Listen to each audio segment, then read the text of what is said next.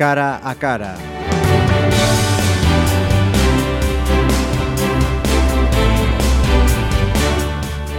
Saludos en esta noche de miércoles para todos aquellos eh, que nos eh, seguís en este día de la semana, en estas emisiones que comienzan a las 21 eh, horas. Saludos si lo hacéis en cualquiera de las redifusiones o si habéis elegido nuestro podcast para seguirnos. Lo que es común a todos es que ya hemos dejado atrás el último fin de semana de noviembre. Un fin de semana en el que el Banco de Alimentos hizo una llamada especial para su gran recogida de alimentos. Eh, han tenido un embajador especial y estuvimos con él aquí en Pontevedra. Ha sido un periodista el vigués Fernando González González, más conocido como Gonzo, quien ha colaborado con el Banco de Alimentos para hacer esa llamada de atención. Así que nos fuimos hasta el supermercado en el que estuvo colaborando ese viernes 25 eh, un día además eminentemente comercial, porque también era ese Black Friday. En cualquier eh, caso, hemos eh, charlado con él de esa cuestión, de alguna cosa más, eh, y antes de dar paso a esa conversación, recordaros que aunque ha pasado esos días 25 y 26 de noviembre, vaya, cualquier día es bueno para acercarse hasta una sede del Banco de Alimentos y dejar nuestra aportación.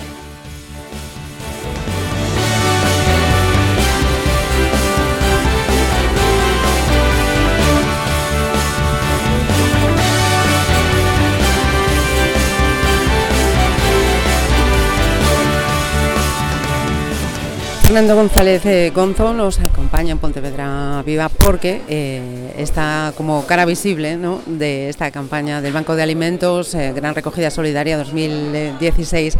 Me imagino que mm, precisamente por tu trayectoria profesional a nadie le extraña verte aquí en Pontevedra participando de esta campaña.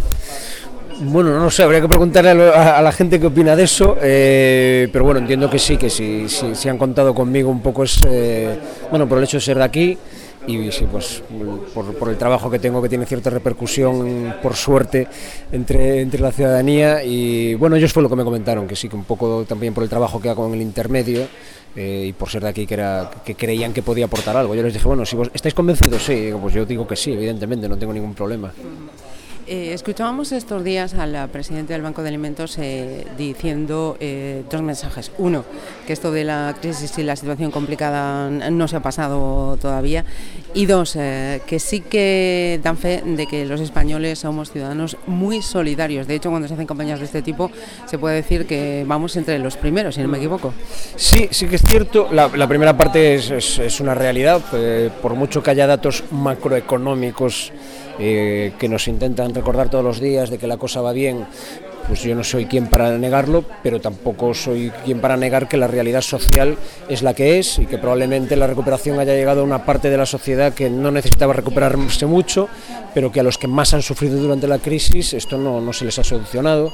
Eh, me comentaban la diferencia de, los receptores de estos eh, alimentos en las campañas antes del 2008-2009, un perfil pues de o inmigrantes o familias que habían tenido problemas algunos de sus miembros con alcoholismo, con drogas, bueno, pues lo que antes entendíamos como el pobre de, toda la vida. Y que durante estos últimos años eh, ese perfil ha cambiado completamente, que son familias eh, perfectamente estructuradas, que incluso los dos, eh, el padre y madre tenían un trabajo y que de repente la crisis se ha llevado todo eso por delante y, que se han encontrado sin, sin un colchón y que su vida se ha ido completamente al garete y han pasado de eso, de ser completamente autosuficientes, incluso de tener, de ser las personas que ayudaban y que donaban alimentos para las campañas antes del 2008 y ahora se han convertido en receptores.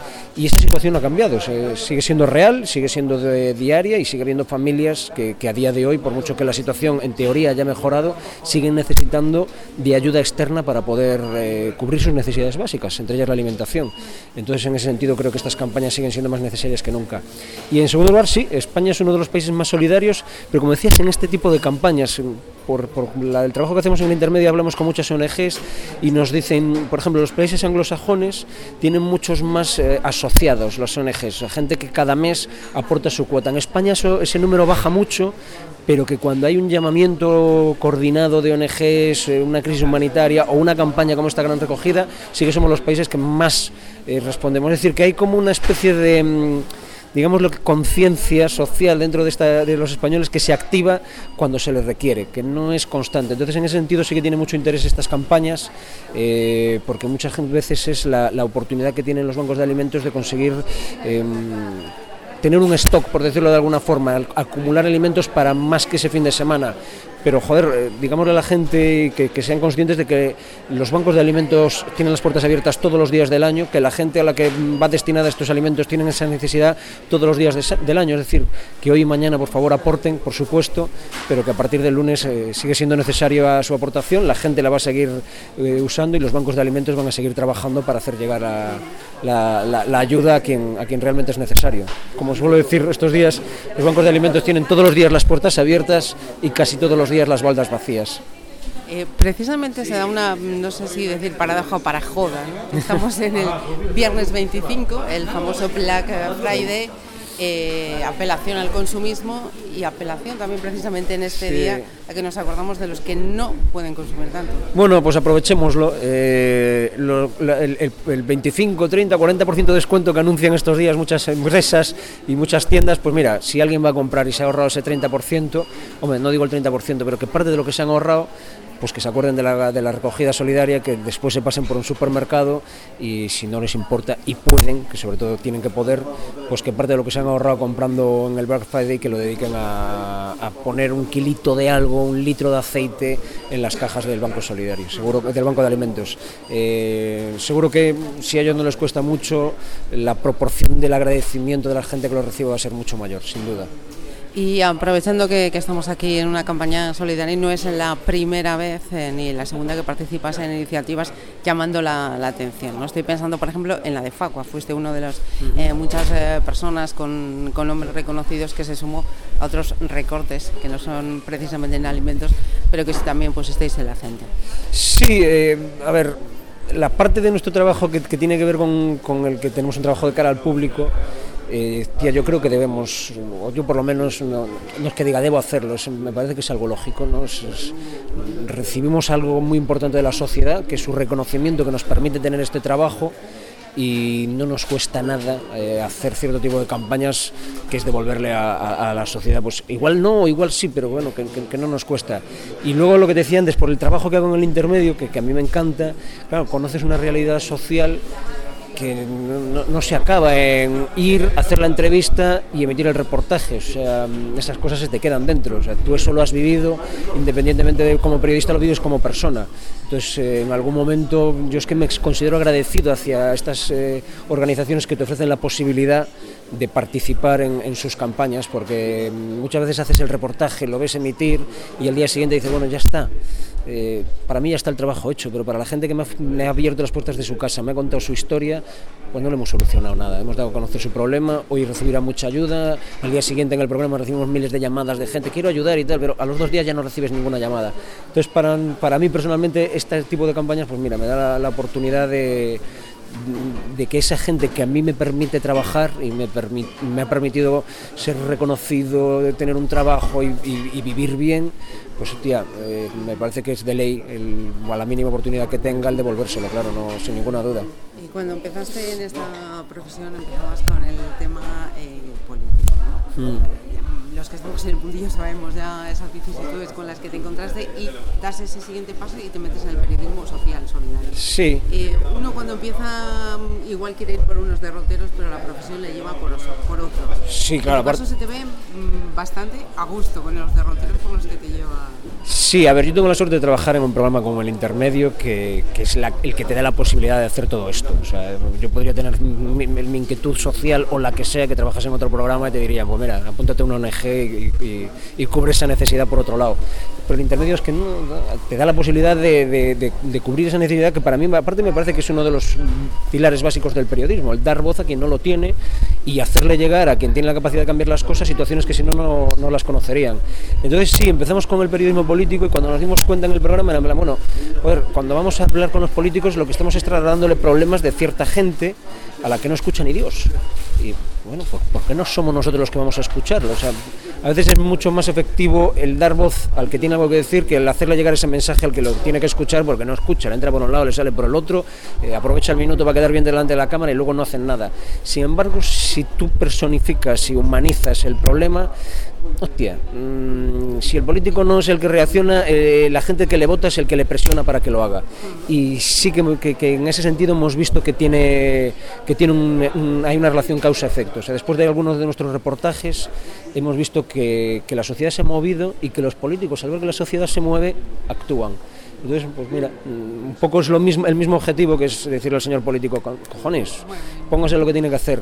Yéndose a decírselo a la cara, muchas veces le caíamos mal y simplemente por ser nosotros ya no nos hacían caso. Entonces dijimos, bueno, pues que, se lo diga quien se lo tiene que decir. Es una pregunta que hago habitualmente en mis reportajes. Bueno, si tuvieses delante al presidente de tu comunidad autónoma, al concejal o al consejero, a quien sea, ¿qué le dirías? Y se lo dicen y yo entiendo que un político viendo eso en su casa, con la mujer y los hijos al lado, no, no se puede quedar de piedra y decir, eh, ya pasó. Entonces también funciona, pero un poco en el fondo es lo mismo, es mejoremos esta sociedad en la que vivimos todos, coño, que es que no, no es que nos vaya bien a unos para que les vaya peor a otros, al contrario, Wyoming lo dice, yo soy rico, multimillonario, tengo la vida resuelta, pero yo quiero que mis hijos vivan un mundo donde no le quieran ir a robar, aunque sea por egoísmo propio. Si todos vivimos con, con unos mínimos, no vamos a buscar jodernos unos a otros, al contrario, pues bueno, un poco es lo que intentamos. ¿Y esta nueva coyuntura política que tenemos ahora, crees que va, a cambiar o ellos van a seguir en sus asientos y aquí todo sigue igual? Bueno, algo va a cambiar. Eh, mira, por lo de pronto esta semana el Parlamento ha presionado al Gobierno a que suba el salario mínimo. Entonces, y ya se anuncian manifestaciones. Y ya se anuncia, claro, o sea que yo creo que, que hay cosas que van a cambiar. Eh, que han estado cambiando, pues mira, la gente que se quejaba mucho de, joder, un año, tres elecciones.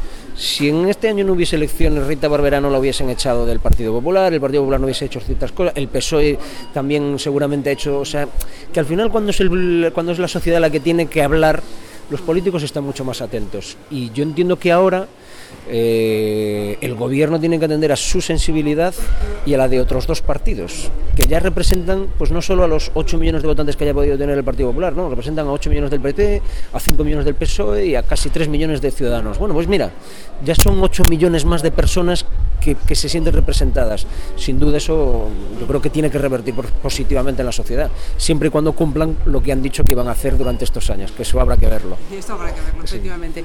Y ya que hablabas de Rita Barberá, esas declaraciones de Hernando contra la 4 y la sexta, que habéis estado ahí, vuestras conciencias no sé si estarán eh, tranquilas, parece que en algún partido no deben estar muy tranquilas. Me remito a lo dicho este jueves en el programa El Intermedio, que me parece que hemos, que, hemos sido muy, muy estamos, hemos estado muy acertados. Eh, bueno, Rafael Hernando lo conocemos todos. Yo creo que hay un proceso lógico que cualquier ser humano puede entender en este país la izquierda y los medios de comunicación a Rita Barberá le han dado caña desde pues, durante los últimos 25 años, desde que está en el poder. No le ha pasado nada, no, no, no se le había visto mal de salud y tal. Eh, la única novedad que ha, que ha habido respecto a quién le ha dado caña o quién le ha criticado han sido los de su propio partido. Y ha coincidido con lo que ha pasado yo no voy a ser como Rafael Hernando y relacionar las dos cosas, pero si alguien tiene intención de relacionar situaciones políticas con la situación humana que por desgracia vivió esta señora, pues coño, eh, hagámosle caso a todos. Me quedo con la frase del cuñado, creo que era de Rita Barbera ayer, que seguro que lo conocen mejor que tú, que yo y que Rafael Hernando o que todo el mundo. Eh, ha muerto de pena o de dolor, algo así dijo, y lo que más le ha dolido ha sido el abandono de los suyos. Yo no voy a ser como Rafael Hernández y no voy a decir que este abandono tiene relación directa con, la muerte de esta señora que tenía sobrepeso, que tenía hábitos de consumo nada saludables, que lo sabía todo el mundo y que probablemente pues, eh, no tenga nada que ver con la política, pero joder, si vamos a ser hipócritas, hagámoslo con argumentos.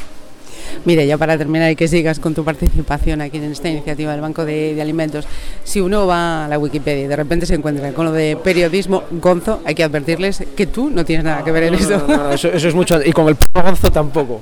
No, no, tiene. De, hecho, yo, mi, mi, Gonzo me llaman, o sea, desde que tengo 8, 9, no, 9, 10 años en el cole, porque me apellido González González, había muchos Fernandos en la clase y había unos dibujos animados de aquella muy conocidas en los que un personaje era Gonzo.